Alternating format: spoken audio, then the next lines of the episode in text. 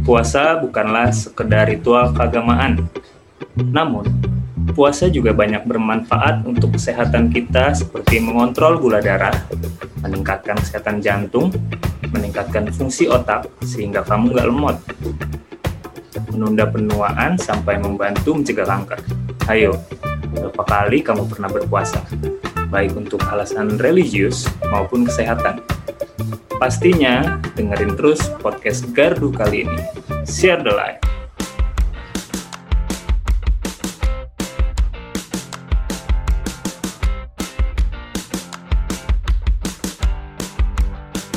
Nah, halo guys. Ketemu lagi sama gua Febri.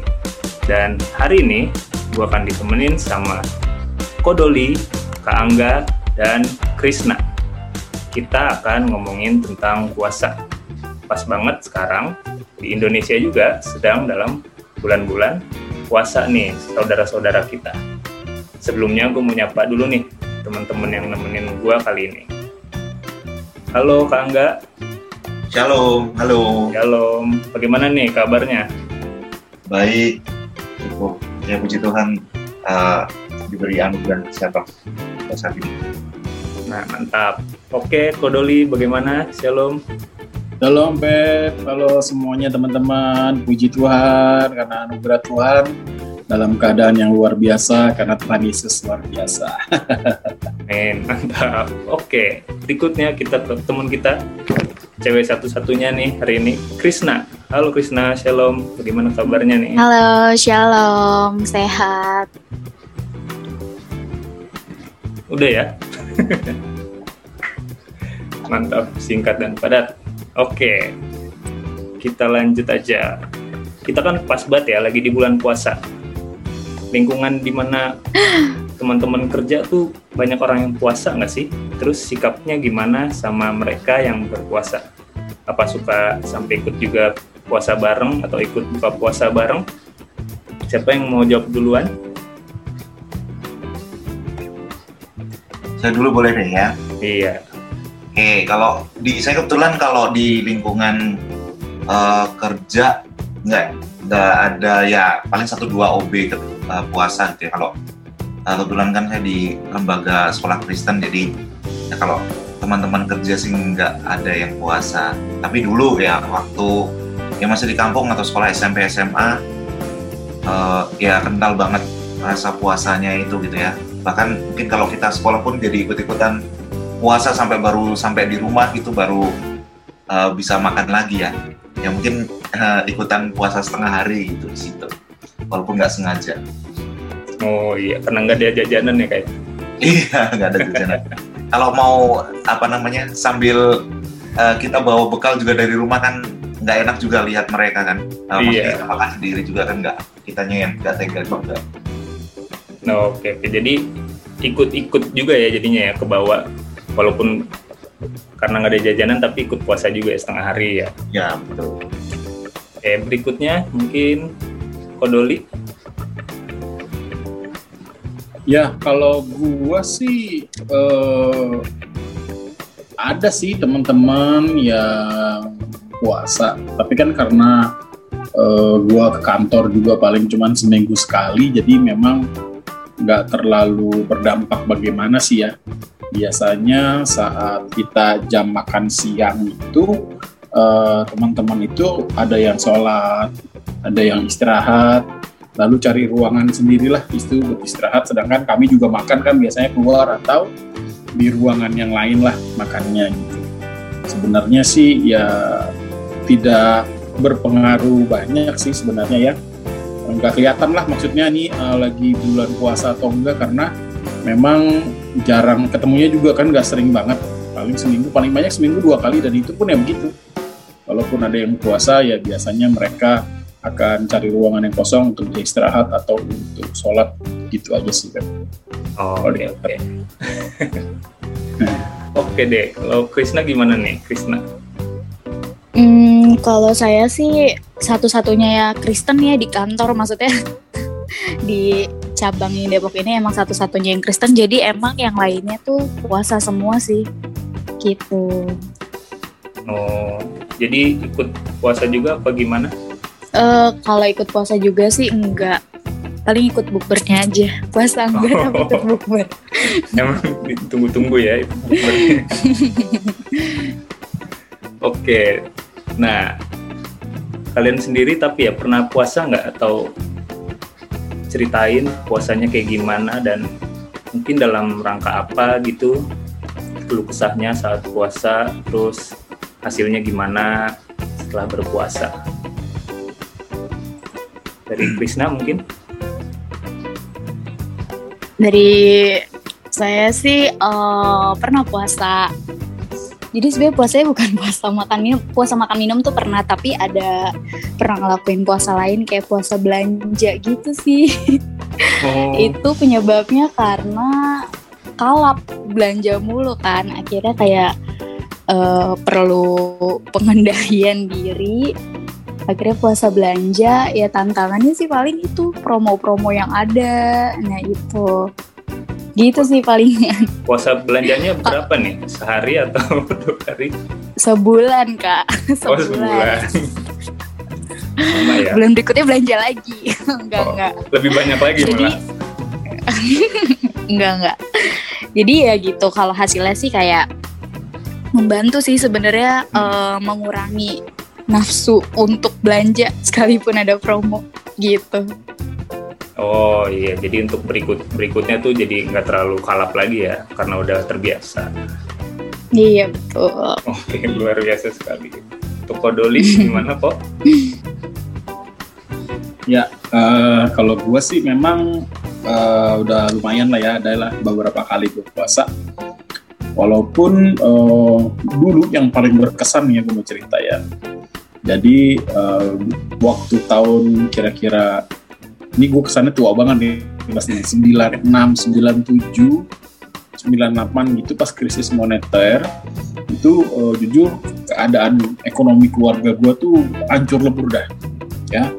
Bokap gua sempat eh, diberhentikan dari pekerjaannya lalu ibu gua kebetulan eh, kena tipu sama orang ya. Nah, jadi zaman dulu kan sering main arisan tuh ya. Nah mama gua kebetulan jadi ketuanya yang megang warisannya warisannya itu dipakai buat eh, bisnis lah gitu kan.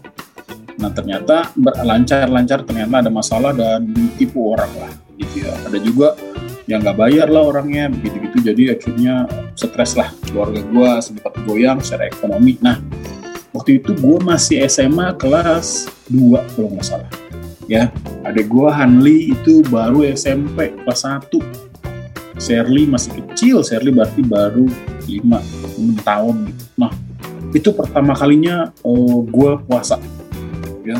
Jadi nyokap gue mau bangunin gue waktu itu gue masih sekolah di Bogor ya.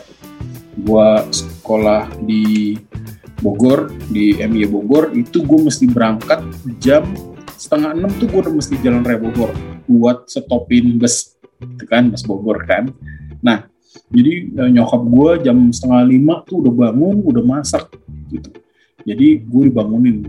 Nah jadi sambil gue siap-siap mau gue masak jadi kita sebelum gue berangkat nah kita makan bareng dulu nah kita berdoa tuh. Kita benar berpuasa. Pengen aja adik gue yang masih SMP juga disuruh gitu ya. Gue nggak tahu sih dia tahan apa enggak tapi waktu itu memang karena kurangnya pengetahuan mungkin ya. Jadi ya udah menurut gue puasa ya cuman tahan minum enggak minum sama enggak makan aja. Dan memang waktu itu mungkin karena masih muda wah itu mah bener-bener nggak berasa. Saya bahkan bisa uh, pulang sekolah itu kan jam-jam satu saya main basket. Basket puasa puasa pengen nggak makan nggak minum. Main basket pulang sampai rumah tuh jam 3 jam 4 saya main basket lagi di rumah saya dulu di Pekapuran. Main basket lagi sampai jam 6 nah jam 6 sore baru buka tuh. Minum minta sama yang punya lapangan biasa dikasih air minum. Nah itu lama itu. Itu paling uh, berkesan ya sama saya. Kenapa? Karena waktu itu memang puasanya puasa terpaksa. Tanda kutip karena ada masalah di keluarga saya. Dan puji Tuhan ya perlahan-lahan uh, Tuhan pulihkan ya. Nah kalau yang sekarang-sekarang ini sih memang kebanyakan ya kita puasa karena uh, perhubungan juga benar. Terus juga biasanya kan karena mau pelayanan kita mau minta kehendak Tuhannya bagaimana, kita mau minta petunjuk Tuhan bagaimana, ya kan. Nah, uh, sampai sekarang sih, puji Tuhan, biasanya sih seminggu sekali lah ya puasa untuk pelayanan dan untuk lain-lain itu sih Pep. Cerita. Mantap ya ceritanya. Jadul ya. luar biasa Kodoli udah puasa saya baru lahir. Baru dua tahun Kodoli udah puasa. Oke berikutnya Kak Angga. Gimana Kak ceritanya? Oke uh, pernah sih puasa. Ya terakhir yang uh, tahun lalu apa ya yang kita puasa uh, untuk makan sayur selama 21 hari ya puasa Daniel. Uh, itu yang uh, pengalaman di gereja yang ya cukup membantu sih untuk kesehatan juga. Maksudnya uh, menurunkan juga saya kan ada apa namanya kalau makan hati juga. Itu kan berasa tebel gitu ya di rasanya di perut sebelah kanan gitu ya. Ini cukup berkurang juga. Nah terus uh, dulu di waktu di kampus di Salatiga saya juga saya ikut di uh, seksi rohani fakultas ya. Ada persatuan doa. Itu setiap uh, kita mau ada retreat ataupun kegiatan yang kita uh, adakan untuk uh, program kerja itu mesti kita puasa. Biasanya seminggu sebelum kegiatan tuh uh, terakhir makan jam 9 malam ya 9 malam terakhir makan terus uh, baru sahurnya jam 3 sore. Jam 3 sorean. Eh bisa jam 1 atau jam 3 sore tergantung kuatnya di mana gitu ya. Boleh minum air putih gitu. Nah tapi untuk makan dita, uh, ditahan. Ya kalau memang kuat ya kuat gitu. Ya rumah sih maksudnya bukan kita mau memaksa Tuhan di situ ya. Maksudnya lebih uh, kita mencari apa yang uh, Tuhan mau gitu ya. Kadang-kadang ya dulu masih mahasiswa kan seringnya kita bergerak kadang-kadang ada dana dari fakultas tapi uh, target kita kan biasanya melebihi dari situ gitu ya. Bukan kita memaksa untuk ya udah yang penting ah, nanti gimana Tuhan cukupkan? Enggak. Tapi bagaimana kita uh, berdisiplin ya berdisiplin untuk mencari kehendak Tuhan. Nanti seperti apa ketika kita juga di dalam kegiatan itu tidak hanya mementingkan uangnya nanti tercukupkan atau apa tapi tujuan akhirnya yang memang uh, jadi visi misi itu tercapai di situ gitu. Dan uh, ada kesaksian juga teman yang kebetulan uh, pelayanannya lebih besar di kampus ministry gitu ya levelnya di atas fakultas sudah satu universitas itu dulu sampai minus berapa ya? Hampir 50 sampai 75 juta gitu. Ya mereka doa puasa hampir satu bulan gitu sampai pada hari HA-nya ketika sebelum penutupan uh, ada maksudnya ada tantangan iman juga ya melalui panitianya ketika mereka juga uh, boleh menyatakan itu. Itu tercukupkan gitu. Itu juga bagi mereka itu mungkin kalau apa namanya dibilang mujizat ya memang benar-benar Tuhan cukupkan itu bahkan berlebih gitu ya. Nah itu sih pengalaman iman yang maksudnya di-sharingkan juga ke saya ketika ya kita berte bertekun di situ bukan masalah mencukupkan atau enggaknya tapi bagaimana Tuhan mau kita uh, taat gitu di dalam setiap kesempatan yang ada. Oke. Okay. Oke. Okay. Wah mantap ya menarik sekali Kang nggak ceritanya. Kalau dari saya sendiri juga pernah puasa tapi waktu itu juga kayak yang Kangga bilang tadi puasa yang 21 hari. Tapi sebelumnya sebelumnya juga pernah puasanya untuk mendapatkan sesuatu. Kayak waktu itu mau lulus kuliah lah mau sidang. Itu puasa dulu tuh. Puasa dulu sebelum sidang sambil berdoa biar kiranya sidangnya lancar. Nah itu waktu itu pernah puasa kayak gitu biar dikabulkan gitu doa-doanya Nah, ini jadi pertanyaannya, kalau di Kristen itu kan nggak begitu lazim ya untuk puasa itu sendiri. Nah, kenapa sih orang Kristen itu perlu berpuasa dan apa sih kira-kira inti dari puasa itu sendiri? Boleh dari Kodoli? Ya, sebenarnya sih kan puasa itu sebenarnya tujuannya uh, kalau kita kan kebanyakan kan karena mau ada pergumulan minta doa dijawab gitu ya. Yeah. sebenarnya sebenarnya menurut saya, saya bukan bilang itu salah ya.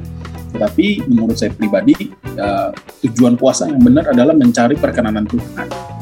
Gitu ya bukan berarti terus kalau kita dalam pergumulan kita mempunyai satu pokok doa lalu kita nggak boleh puasa. Boleh tapi saat Tuhan menjawab tidak atau Tuhan menjawab tunggu dulu gitu ya selain iya dan itu adalah jawaban dari perkenanan Tuhan. Maksudnya Tuhan sama kita itu seperti apa? Ya banyak sih tujuan tujuan puasa itu banyak sebenarnya ya. Ada yang mau minta perkenanan Tuhan ada yang mau minta supaya ya kuasa Roh Kudus dicurahkan. Macam-macam lah sebenarnya. Tapi jangan sampai yang salah itu uh, adalah berpuasa supaya keinginan kita ya doa-doa kita benar-benar kita paksain sama Tuhan. Ya nah ini ada satu uh, mungkin uh, teman-teman juga pernah baca mengenai Daud ya di mana anak hasil perselingkuhannya itu kan sakit ya. Itu mau mati inget gak ya nah tuh dia tuh benar-benar berpuasa tuh sampai wah parah dah benar berpuasa. Karena dia menganggap siapa tahu nih hati Tuhan bisa diredakan dengan positif. Tapi ternyata Tuhan berkata enggak, anaknya tetap mati. Ya setelah itu dia selesai berpuasanya, gitu loh. Dan itu menurut saya itu adalah satu uh, jenis puasa. Saya nggak bilang itu salah ya, tapi ya kalau kita udah memiliki uh, pengenalan yang benar nih akan Tuhan, harusnya nggak begitu. Apa pun jawaban Tuhan, ya kita harus percaya itu adalah perkenanan Tuhan melalui puasa kita gitu ya. Gitu kan menurut oh. gua ya. Oh iya jadi puasa itu lebih untuk apa namanya menguatkan iman ya kok ya? Betul. Oke. Kalau Krisna nih?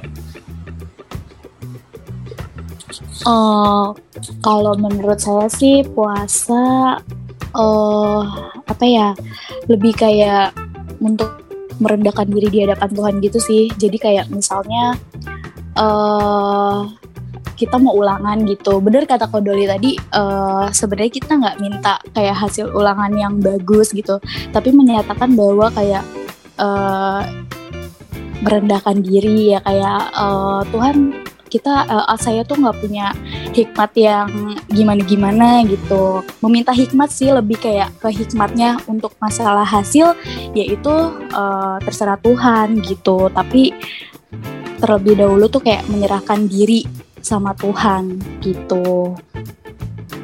Oh, oke okay, oke. Okay. Berarti mirip sama yang kodoi tadi ya, misalnya mau sebelum pelayanan berpuasa dulu, jadi menyerahkan diri kita sepenuhnya kepada Tuhan sebelum melakukan segala sesuatu. Iya, gitu kira-kira. oke okay, Kak Angga, bagaimana? Uh, ya setuju dengan Kodoli dan Krisna mungkin saya um, melengkapi aja sebenarnya dengan uh, puasa ini kan uh, kita mau benar-benar lebih dekat gitu ya. Kan berpuasa itu kan berarti mendisiplinkan diri untuk membuka hati kita peka terhadap untuk lebih peka lagi sih maksudnya apa yang ingin Tuhan uh, taruhkan di dalam setiap kehidupan kita gitu ya. Lebih apa ya dekat lagi untuk melihat apa sih mau Tuhan dalam hidup kita gitu ya. Mencari kehendak Tuhan gitu ya. Walaupun itu dalam siap uh, persiapan dalam pelayanan mungkin atau mungkin di dalam pergumulan juga lebih luas gitu ya bahkan uh, dalam kesempatan yang ada ketika tidak hanya sekedar atau ketika kita menghadapi sesuatu yang serius atau sulit atau ketika di dalam kehidupan terpuruk tapi uh, bisa juga dalam situasi yang lain yang memang benar-benar uh, kita butuh banget uh, perkenanan Tuhan nih. Terus yang kedua di dalam uh, kita berpuasa itu uh, ketika kita juga butuh untuk meminta hikmat kepada Tuhan gitu ya. Memutuskan segala sesuatu di dalam uh, penata layanan tidak hanya sekedar pelayanan di dalam gereja tapi ketika kita juga melayani orang yang di luar gitu ya. Atau uh, yang mungkin ada masalah juga di dalam pekerjaan atau lebih luas itu dalam dalam penata layanan. Terus yang ketiga sebagai bentuk penyembahan juga di dalam uh, setiap kehidupan kita kepada Tuhan. Itu sih. Jadi uh, ya motivasi, motivasi yang utama itu memang hati kita terpaut gitu pada Tuhan dalam puasa itu. Lebih peka gitu. Khusus. Itu sih dari saya. Oke, nah gini kak, kalau gitu kira-kira kapan atau situasinya kapan nih kita harus berpuasa sebagai orang Kristen?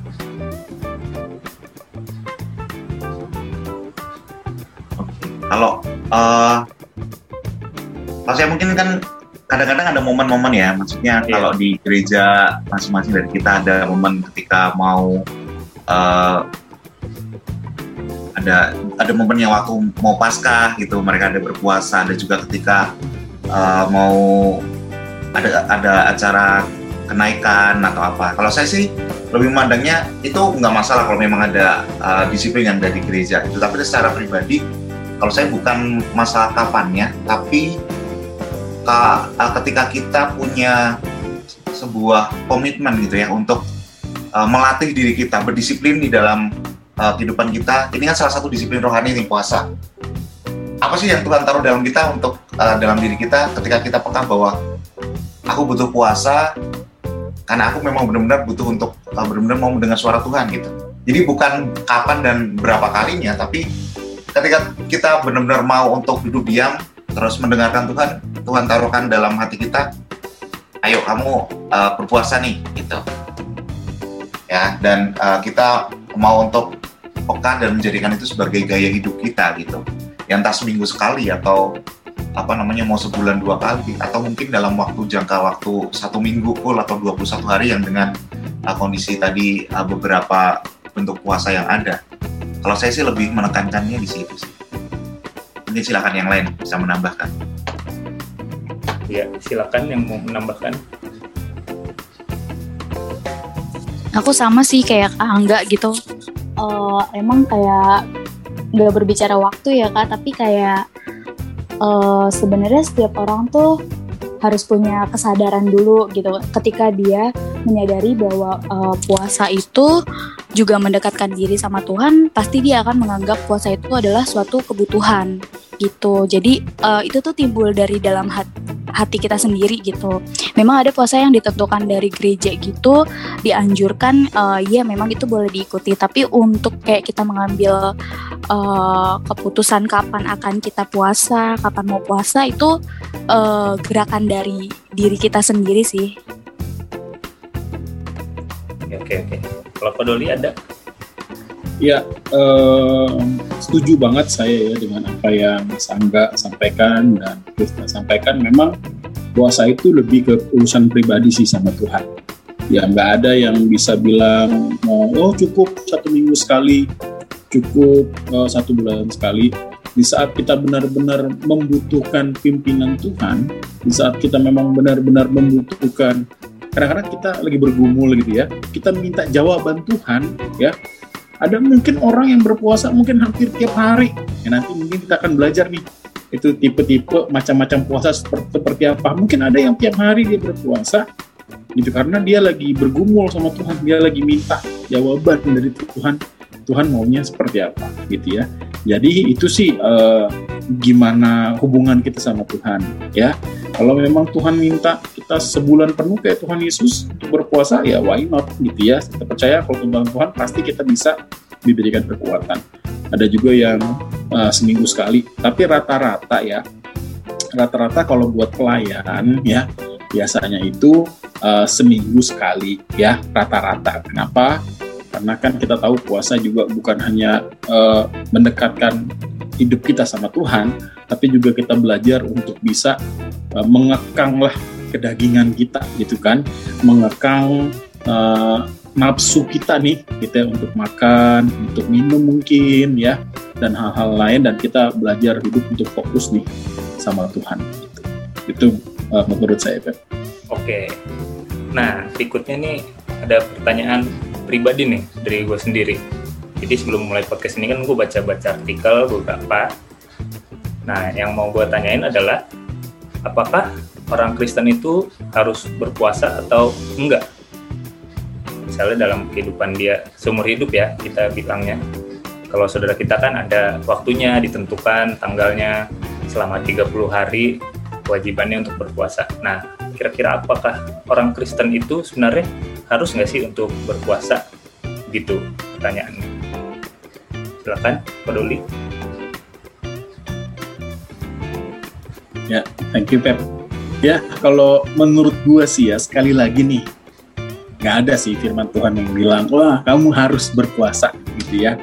Kalau menurut saya nih sekali lagi ya. Tapi itu adalah respon kita, respon kita untuk bisa uh, mendekat lebih lagi sama Tuhan. Kalau ditanya secara dewasa nih, wajib nggak orang Kristen puasa? Wajib saya bilang. Ya, kenapa? Karena Kristen itu kan pengikut Kristus. Bagaimana apa yang udah Kristus kerjakan? Kalau Tuhan Kristus, eh, Tuhan Yesus aja berpuasa, berarti secara langsung kita sebagai pengikutnya, sebagai murid-muridnya juga harus berpuasa. Gitu. Ya, itu menurut gua sih. Oke, mantap. Ada yang mau nambahin gak kira-kira? Mungkin dari saya gini, dulu mungkin di perjanjian lama kan memang uh, itu jadi kewajiban ya. Jadi ada, maksudnya ada aturan di dalam uh, kepercayaan Yahudi untuk uh, mewajibkan itu sebagai tata cara di dalam mengibadah. Ya mungkin uh, kalau kita turunut lagi ada Tuhan juga mungkin taruhkan di situ untuk uh, mereka berpuasa karena mereka ada di pembuangan dan lain-lain. Nah, tapi seiring berjalannya waktu kan itu di istilahnya disalahgunakan untuk uh, seperti apa ya memaksa Tuhan gitu ya untuk mengikuti keinginan mereka. Karena akhirnya ketika uh, manusia semakin terpuruk di dalam dosa itu di zaman uh, sebelum Yesus mau membalikan lagi gitu ya uh, kebenarannya seperti apa itu kan rata-rata digunakan juga oleh orang Farisi di Taurat dan yang uh, orang-orang pada saat itu untuk istilahnya memamerkan diri ini aku menjadi orang yang benar-benar uh, menaati nih ajaran agama dengan berpuasa di, di istilahnya seperti di dikemukakan di umum gitu untuk doa aja sampai bisa kalau bisa orang lain bisa lihat gitu. Nah jadi kan seperti kesombongan rohani. Nah terus dibalikan lagi dengan uh, bagaimana Yesus membalikan lagi untuk apa sih tujuannya. Bukan karena untuk dilihat orang, bukan karena untuk uh, menjadi memenuhi kewajiban dari agama atau kepercayaan kita, tapi itu lagi gitu maksudnya sebagai bentuk penundukan diri di hadapan Tuhan, mengekang kedagingan kita. Ya. Jadi wajib gak wajib, ya itu sudah dicontohkan oleh Kristus untuk yaitu salah satu disiplin yang uh, bisa kita lakukan. Apalagi kalau memang uh, bisa kita kerjakan sebagai orang Kristen, ya itu salah satu bentuk penyembahan juga gitu ya melalui puasa. Oke, Krisna ada yang mau ditambahkan? Nggak ada, udah cukup jelas dari Kodoli dan Samuel. udah cukup jelas ya, mantap ya, jawabannya. Ya jelas banget. Oke, nah by the way nih, buat teman-teman semua yang lagi mendengarkan, yang mau mulai berpuasa, puasa di dalam Alkitab juga ada banyak macamnya loh. Nah, coba para bintang tamu malam ini apa aja nih kira-kira nih puasa-puasa jenis-jenis puasa orang-orang Kristen? Ada yang mau jelasin mungkin? Ini ada guru sekolah minggu ada ketua pemuda. Wah banyak nih sumbernya siapa duluan yang mau jelasin nih jenis-jenis puasa nih biar teman-teman kita bisa tahu nih ada berapa jenis sih puasa dalam Kristenan. Nah, silahkan. Oke, kalau yang aku tahu ya jenis-jenisnya ada uh, puasa Daniel gitu ya yang 21 hari. Terus ada juga uh, kalau yang kuat ya saya nggak tahu ada juga puasanya Tuhan Yesus tuh yang 40 hari 40 malam gitu ya hal itu sih memang orang-orang yang benar-benar dikasih anugerah untuk bisa sampai nggak makan minum sampai 40 hari. Terus ada juga uh, puasa apa lagi ya? Ada juga yang menggunakan uh, puasa yang tiga hari, yang buat tiga hari gitu. Saya lupa yang uh, temannya apa mungkin bisa ditambahin dari yang lain. Itu sih yang saya tahu. Mungkin masih ada lagi juga yang belum apa namanya tersebut. Iya benar uh, setuju gua. Dan ini kan kebetulan ini di BPH, BPH GBI juga lagi sosialisasi nih untuk puasa bersama juga seluruh pejabat dan jemaat ya di lingkungan GBI dari tanggal 13 April sampai dengan 14 Mei kalau nggak salah ya Nah itu memang uh, spesifikasinya memang nggak dijelaskan ya.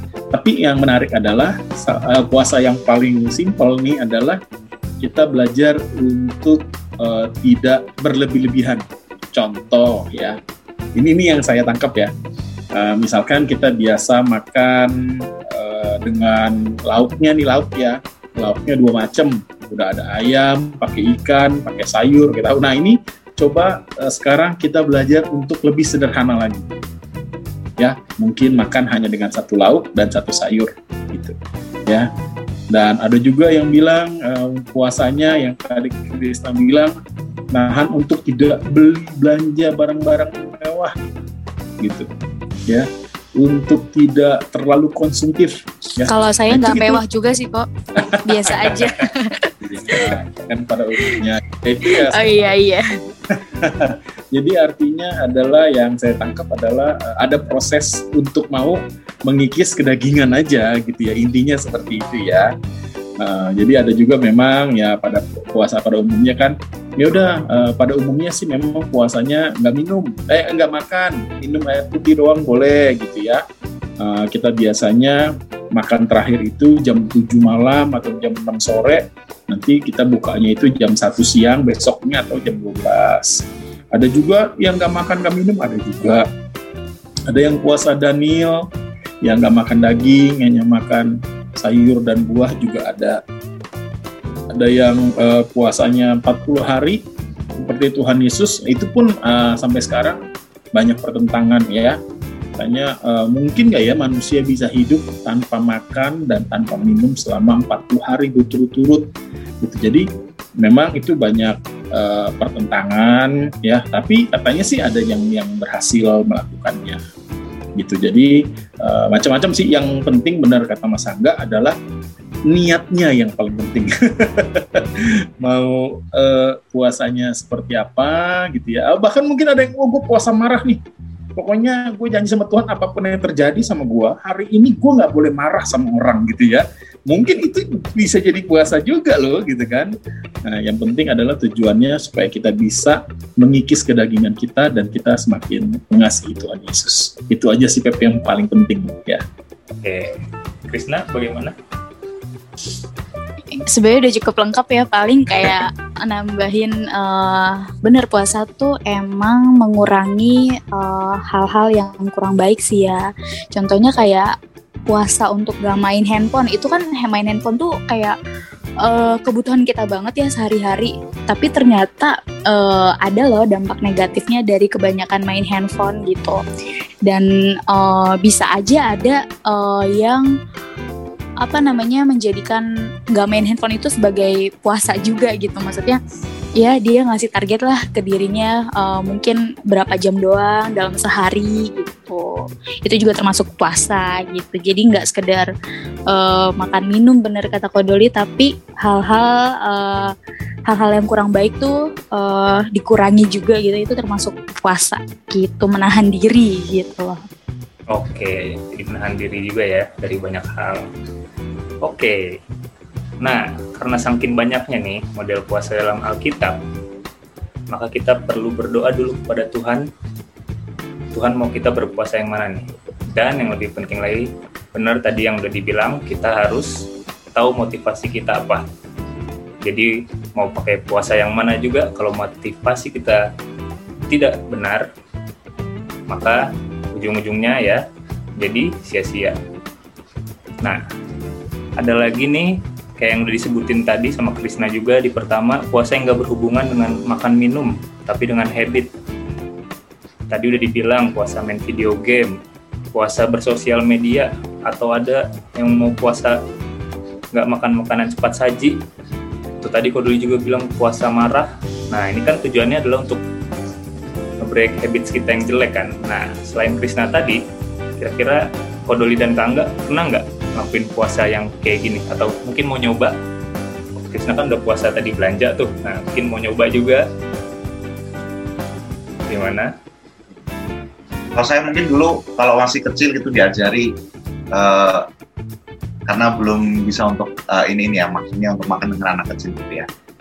Dulu diajarin untuk nyisihin uh, uang jajan ya coba kamu kalau momennya udah dikasih uang jajan tapi kamu tabung untuk nanti dipersembahkan waktu pasca pada waktu itu jadi selama sebulan walaupun nggak selalu berhasil gitu ya tapi paling nggak kita coba.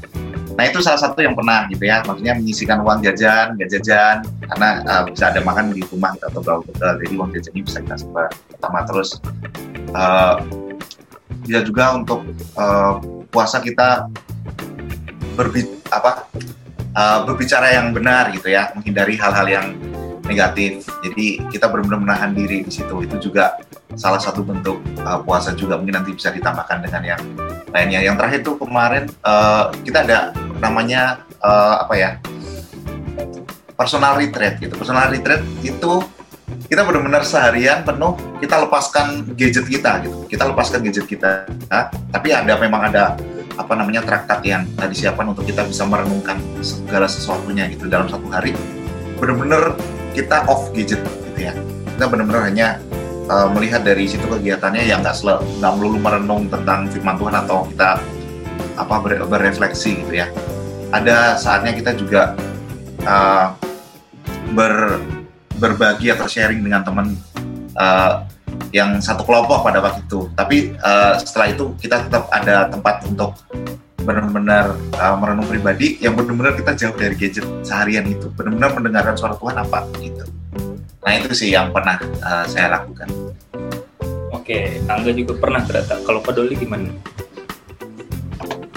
Ya biasanya sih ya itu ya mungkin yang tadi Krisna bilang ya maksudnya puasa belanja karena nggak punya uang sih sebenarnya bukan. Nah, nggak ya teman-teman ya.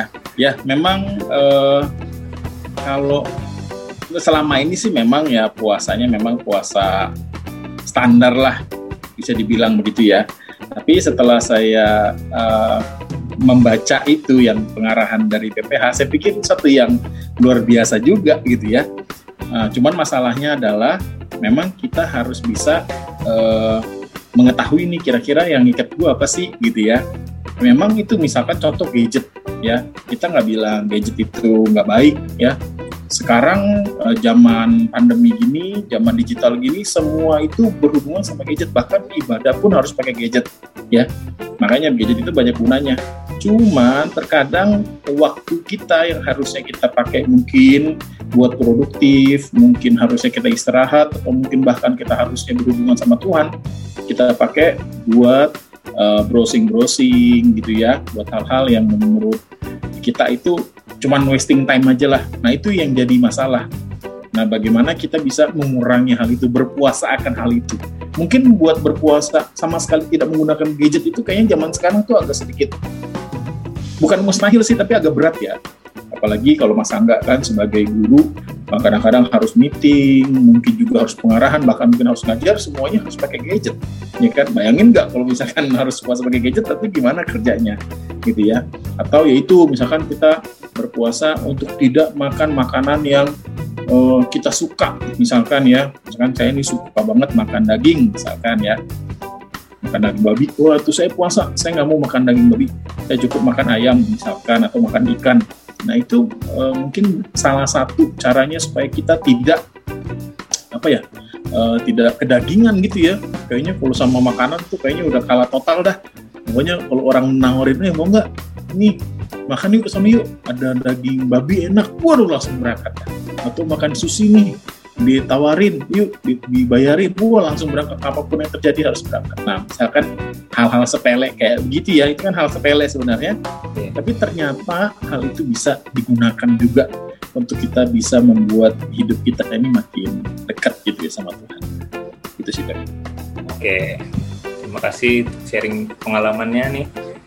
Nah guys jadi intinya ada banyak cara untuk kita berpuasa dan tujuan kita berpuasa yang terutama adalah untuk mematahkan kedagingan kita dan lebih hidup seturut kehendak dengan firman Tuhan. Di mana ada kemauan, pasti ada jalan. Tinggal berdoa dan pilih jenis puasa yang mau kamu jalani. Intinya, semua harus dilakukan untuk Tuhan. Nah, bukan cuma untuk turunin berat badan.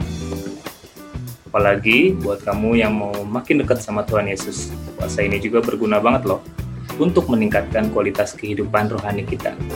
Kamu bisa coba mulai dari puasa setengah hari, terus coba juga macam puasa yang lainnya. teman-teman kita aja bisa tuh puasa penuh dalam sebulan kan? Tapi Tuhan Yesus berpesan juga dalam Matius 6 ayat 1 dan ayat 16 sampai 18. Ginilah firman Tuhan.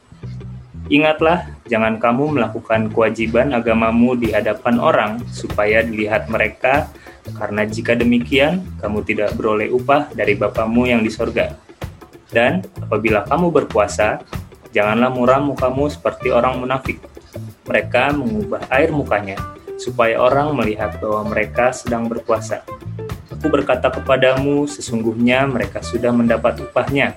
Tetapi apabila engkau berpuasa, minyakilah kepalamu dan cucilah mukamu, supaya jangan dilihat oleh orang bahwa engkau sedang berpuasa, melainkan hanya oleh Bapamu yang ada di tempat tersembunyi maka Bapamu yang melihat yang tersembunyi akan membalasnya kepadamu. Oke, sampai di sini dulu ya. Selamat berpuasa. Terima kasih juga buat yang udah nemenin nih, Kodoli, Kak Angga, dan Krisna. Tuhan memberkati. God bless you. Semuanya. Thank you. Tuhan berkati. Selamat berpuasa. Selamat puasa semuanya. Selamat melakukan disiplin rohani puasa. God bless.